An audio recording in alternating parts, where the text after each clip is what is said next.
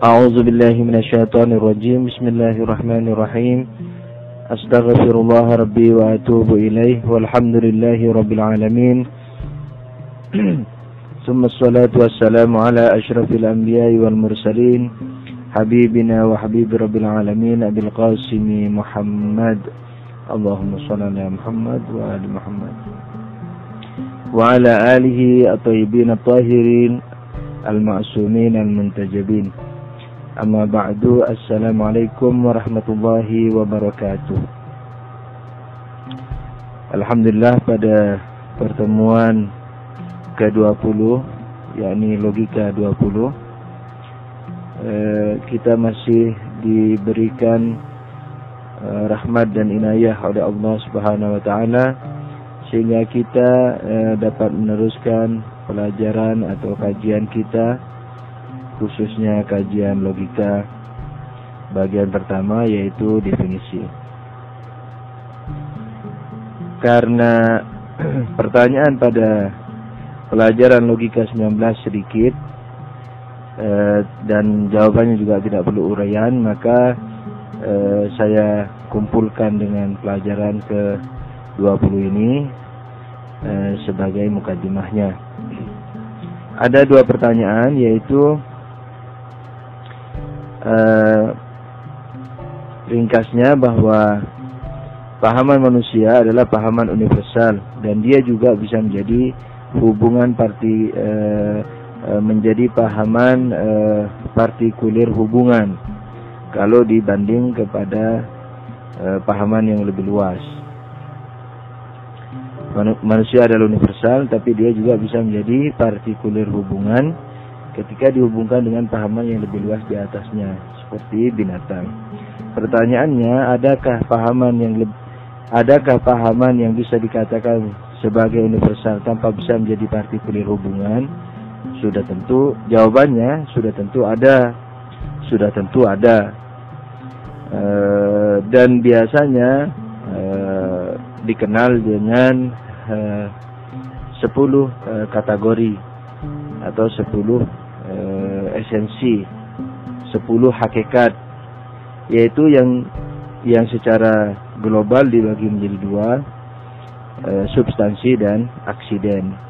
Jadi sebenarnya substansi dan aksiden inilah yang tidak memiliki e, apa namanya itu e, pahaman yang lebih luas lagi di atasnya sebagai pahaman e, e, apa namanya esensi tentunya di mana uh, substansi uh, dibagi ada yang menjadi membaginya menjadi lima dan ada yang tidak lima.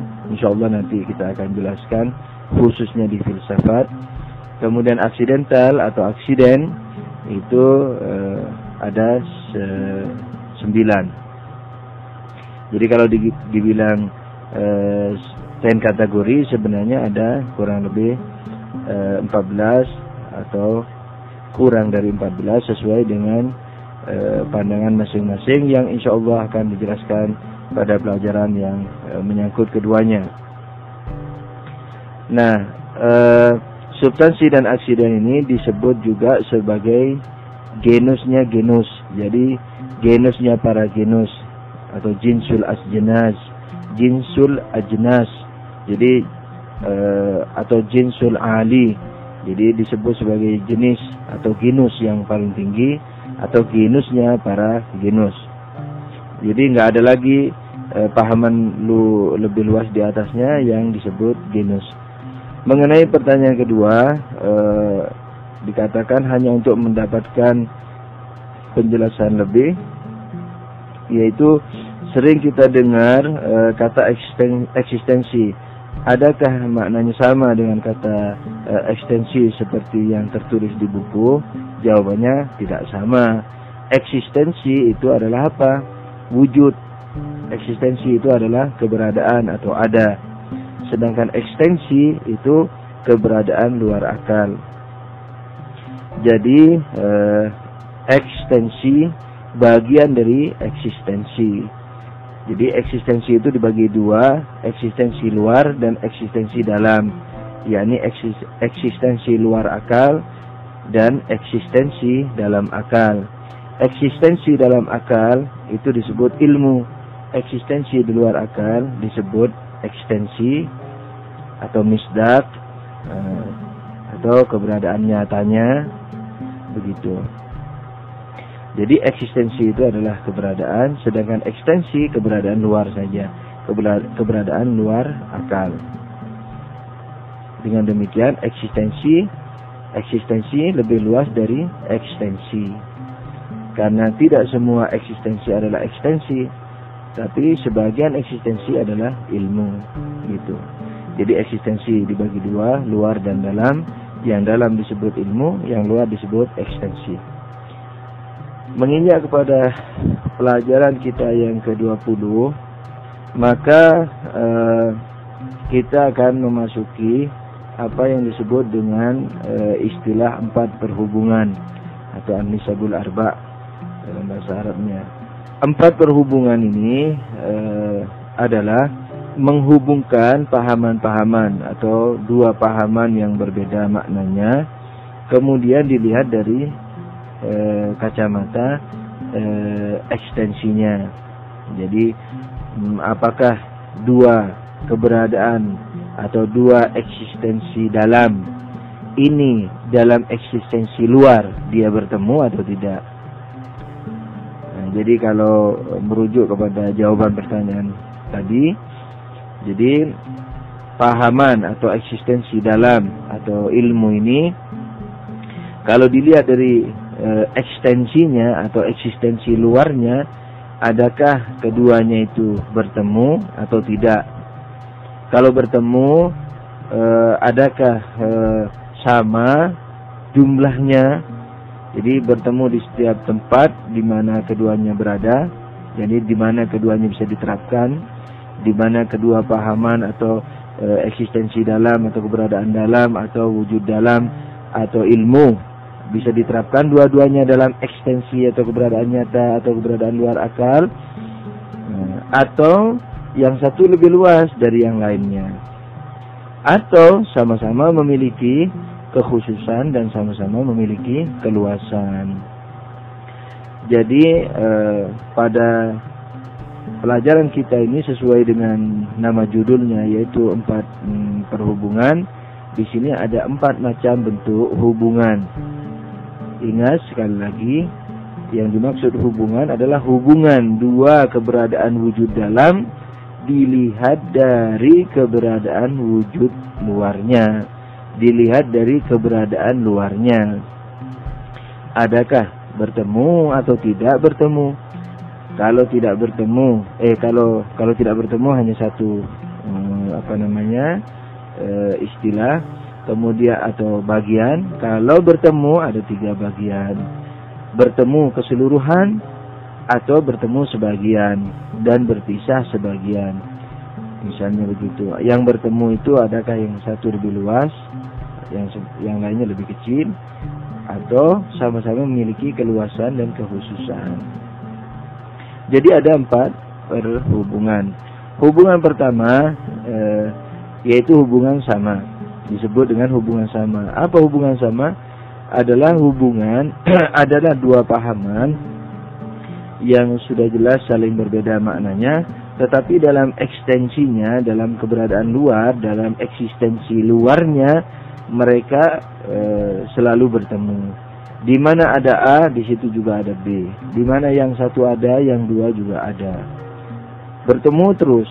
Nah, itu yang disebut dengan hubungan sama atau tasawi dalam bahasa Arabnya atau equivalent atau equivalent mungkin ya bacaannya yaitu e, contohnya seperti manusia dan rasional. Manusia maknanya binatang rasional. Rasional adalah e, apa namanya? E, maknanya adalah e, kemampuan katakanlah begitu ya, kemampuan menyimpulkan kesimpulan universal. Nah, jadi dua e, keberadaan dalam ini yakni pahaman manusia dan pahaman e, rasional e, saling berbeda. Tapi di luar di mana ada manusia selalu ada rasional. Di mana ada rasional selalu ada manusia. Teman-teman uh, jangan menggugat dengan misalnya orang gila yang tidak ada rasionalnya atau anak kecil yang tidak ada rasionalnya. Sebab dalam bahasa logika yang disebut binatang rasional yaitu binatang rasional yang de facto rasionalnya atau dekat dengan de facto. yakni yang keberadaannya itu nyata sekarang atau hmm, bisa nyata setiap saat. Jadi dekat kepada kenyataan itu disebut rasional. Jadi seperti misalnya anak bayi yang belum rasional, yang belum bisa menyimpulkan kesimpulan universal, itu sudah bisa disebut sebagai manusia karena sangat dekat potensinya dengan e, de factonya e, kerasionalan pada bayi tersebut. Begitu juga orang gila. Jadi setiap saat dia bisa sembuh, kemudian rasional lagi. Jadi yang disebut rasional adalah e, e, e, yang de facto atau yang dekat sekali dengan de facto. Ini sekedar tambahan penjelasan saja. E, ingat teman-teman kalau ingin bertanya tetap punya ke keleluasaan bertanya. Dan kalau menurut saya e, tidak tepat pertanyaannya atau kurang maju pasti saya e, e, secara relatif mengkritisinya untuk membuat semakin tajam pertanyaannya. Bukan e, semakin terbungkam akhirnya malu bertanya. Jadi berpikir yang keras pertanyaannya carikan jawaban dahulu. Kalau memang tidak ada e, jangan dicari dalam seminggu dua minggu. Dalam diskusi itu. Jadi kalau dalam diskusi memang sudah e, tidak mampu memecahkan sudah diperas e, kepalanya secara konsentrasi akalnya e, bukan ngobrol sana sini bukan mikir sana sini. Jadi konsen kepada apa yang dibahas, hmm, kemudian tidak ada jawabannya, eh, tanyakan secara leluasa.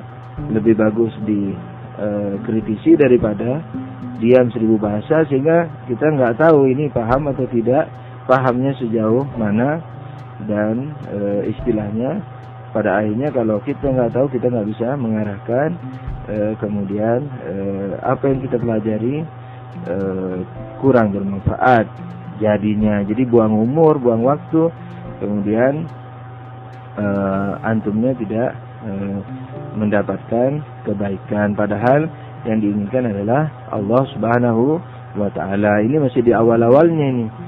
Oke, kita teruskan pada kajian kita. Kemudian uh, dalam uh, naskah yang dikirim itu tidak ada gambar ya. Jadi kalau dalam naskah yang asli dalam bukunya ringkasan logika muslim. Jadi kalau dalam dibentuk lingkaran gitu ya, jadi ada satu lingkaran uh, di dalam itu di dalam lingkaran itu uh, tanda keberadaan ekstensi. Jadi lingkaran itu ibarat pahaman, jadi wujud atau ekstensi dalam atau keberadaan dalam. Kemudian uh, apa yang ada di dalam lingkaran itu disebut ekstensinya. Jadi kalau digambarkan maka dibuat satu lingkaran Kemudian di dalam lingkaran itu ada manusia dan ada rasional.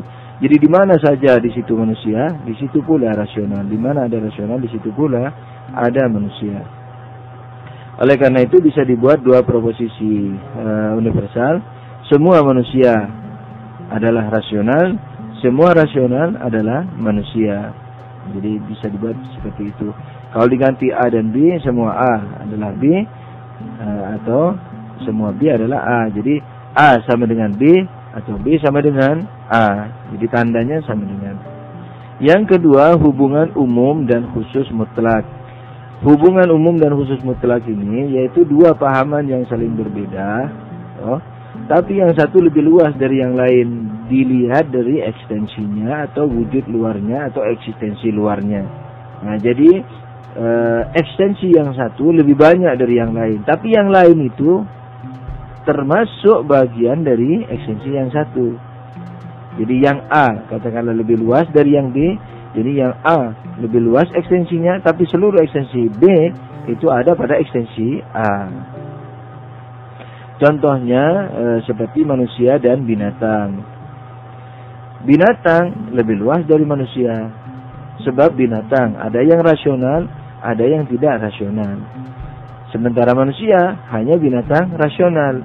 Jadi ekstensinya pasti lebih banyak hmm, e, binatang dan jangan lupa yang manusia ini juga tidak keluar dari binatang. binatang bukan dalam akhlak ini, binatang dalam logika filsafat, yakni apa definisi binatang? Benda berkembang, yakni kecil membesar misalnya, beranak pinak, berkembang, perasa, yakni kalau jubi sakit, kena api panas, kemudian bergerak dengan kehendak, tidak seperti pohon yang ditiup angin, e, kemudian e, ya sudah bergerak dengan kehendak gitu. Tapi kalau manusia ditambahi rasional. Kalau misalnya e, kuda ditambahi meringki, umpama yang seandainya meringki itu adalah pembedanya. Nanti insya Allah kita akan e, lihat di e, e, pelajaran terakhir dari definisi ini. Jadi logika satu ini.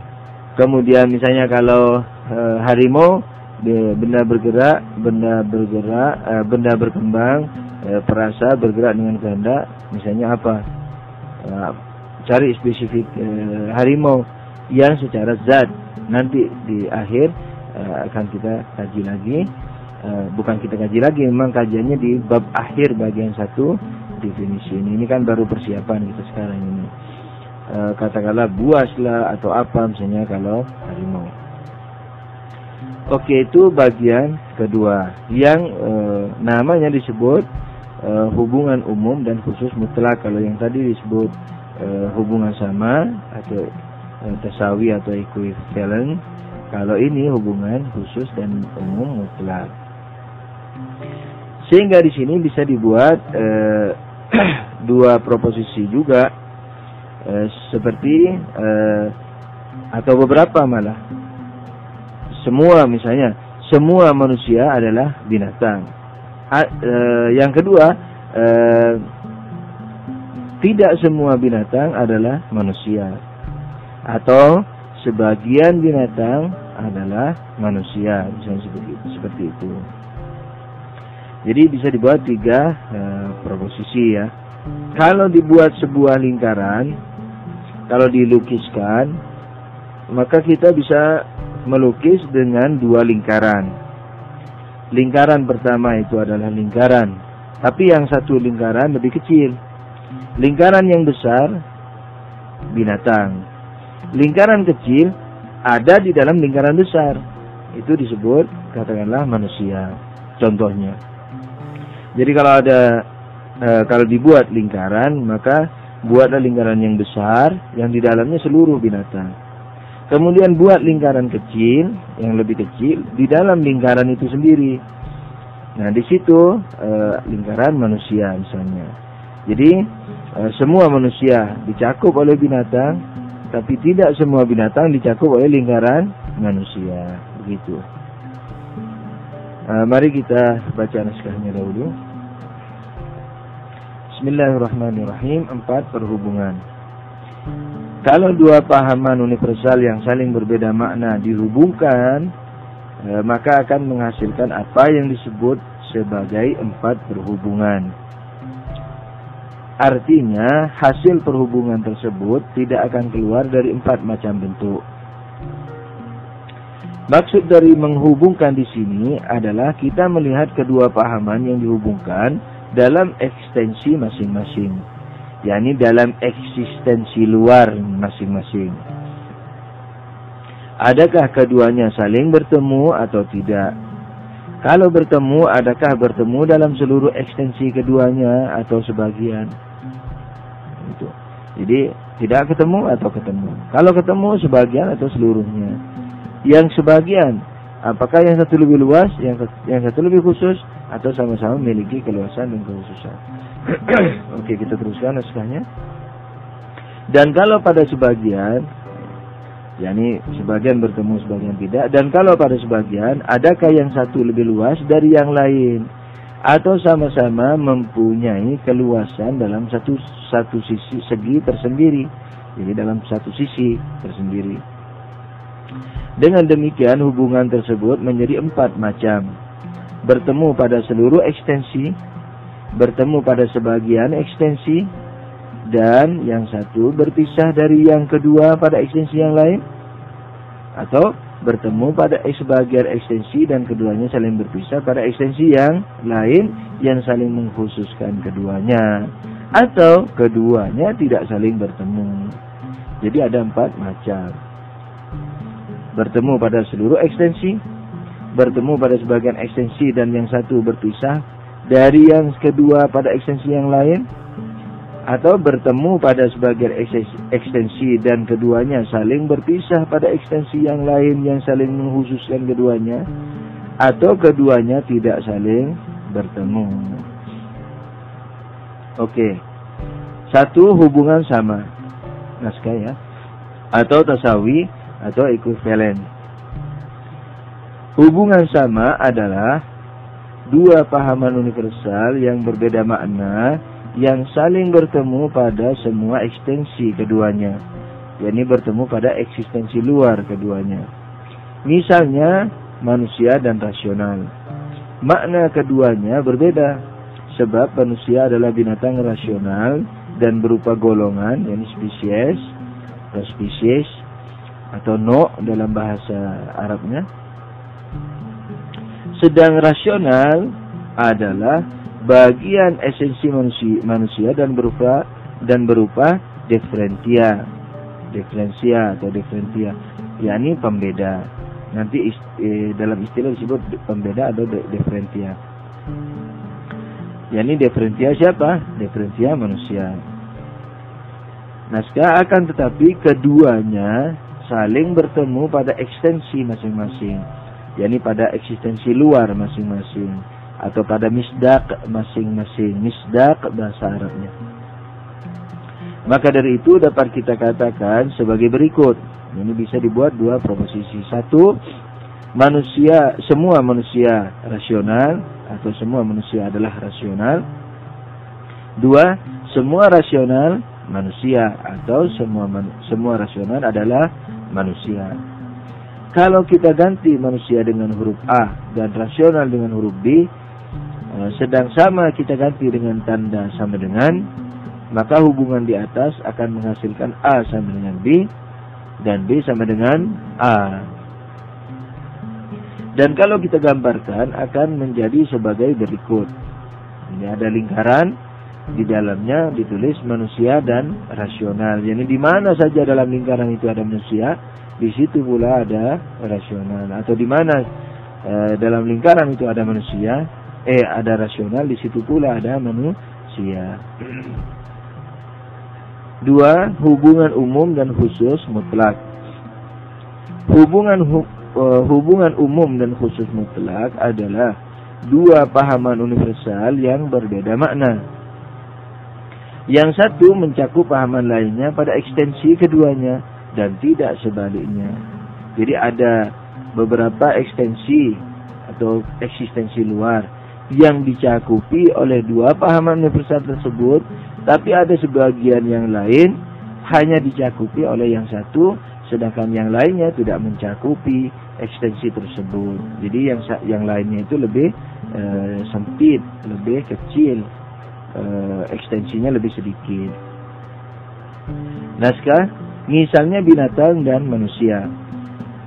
Eks, ekstensi binatang mencakup manusia dan bukan manusia.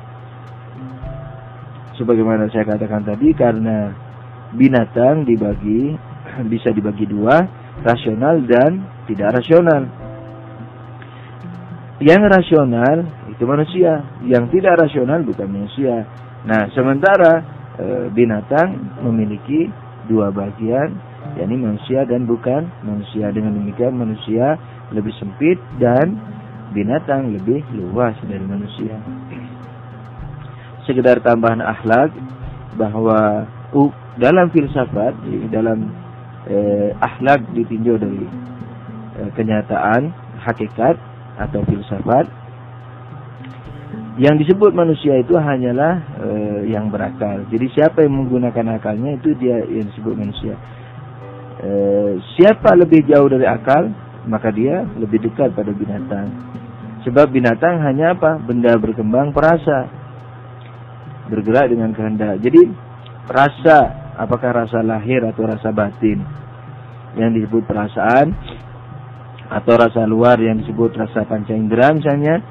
Nah, semakin orang berperasa dan tidak yang yang perasaannya atau rasanya atau perasaannya tidak eh, manut tidak ikut, tidak bermakmum kepada akalnya, maka dia binatang. Siapa saja yang e, mengguna mendahulukan akalnya, maka dia manusia. Jadi tidak ada bahasa basi, dalam filsafat. Jadi nanti dalam filsafat dan irfan yang disebut manusia hanya yang menggunakan akalnya dan mengutamakan akalnya dan menduakan perasaannya. Jadi menomorduakan perasaannya. Begitu. Jadi e, sebagai mana hakikat dalam logika atau filsafat yang manusia adalah binatang rasional, maka yang tidak menggunakan rasionalnya, maka dia tidak disebut sebagai manusia, tidak bisa eh, digolongkan sebagai hakikat manusia pada ha, hakikatnya, pada e, kenyataannya atau pada apa yang disebut e, hakikat yang senyatanya, yakni hmm, katakanlah pada hakikat batinnya gitu. Jadi dia manusia hanya pada hakikat lahirnya, kemudian e, yang yang yang menggunakan perasaan itu atau yang mencampur aduk perasaan dan akal dan hmm, sesekali atau sering kali menomorduakan akal dia disebut manusia lahir. Sementara yang mendahulukan akal disebut manusia manusia lahir dan batin. Oke kita teruskan. Naskah misalnya binatang dan manusia. Ekstensi binatang mencakup manusia dan bukan eh, sorry, ekstensi binatang mencakup manusia dan bukan manusia. Keterangan dari benda berkembang yang perasa, yakni definisi binatang dalam kurung. Sebab pahaman binatang adalah benda berkembang yang perasa dan bergerak dengan kehendak. Nah, itu yang disebut binatang. Binatang adalah benda berkembang dari kecil membesar atau beranak pinak yang perasa yakni memiliki rasa, rasa lahir atau rasa batin terserah dan bergerak dengan kehendak. Tidak seperti pohon yang ditiup angin. Pohon dia termasuk benda berkembang, tapi tidak berasa dan tidak bergerak dengan kehendak. Naskah sedang pahaman manusia manusia hanya mempunyai eksistensi yang berupa binatang rasional. Artinya tidak seluruh uh, binatang. Uh, jadi kita dapat mengatakannya sebagai berikut. Satu, bagi sebagian binatang adalah manusia atau sebagian binatang adalah bukan manusia.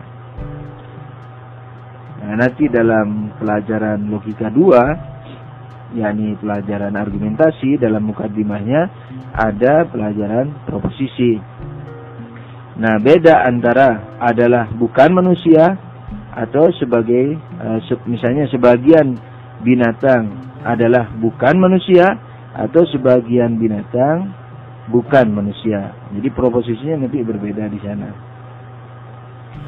Jadi misalnya sekali lagi ya, misalnya contohnya ini sebagian binatang adalah bukan manusia, yang kedua adalahnya dibuang.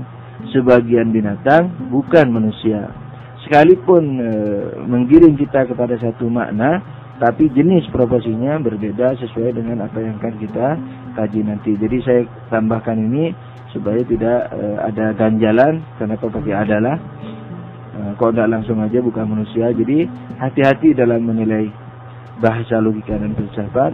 Ya, biasanya tidak ada yang bahasa yang terbuang kalau memang penulisannya tidak salah kecuali kalau salah sengaja atau tidak misalnya barangkali ada eh, eh, kata-kata e, yang berlebih atau yang e, justru merusak e, tatanan berpikir.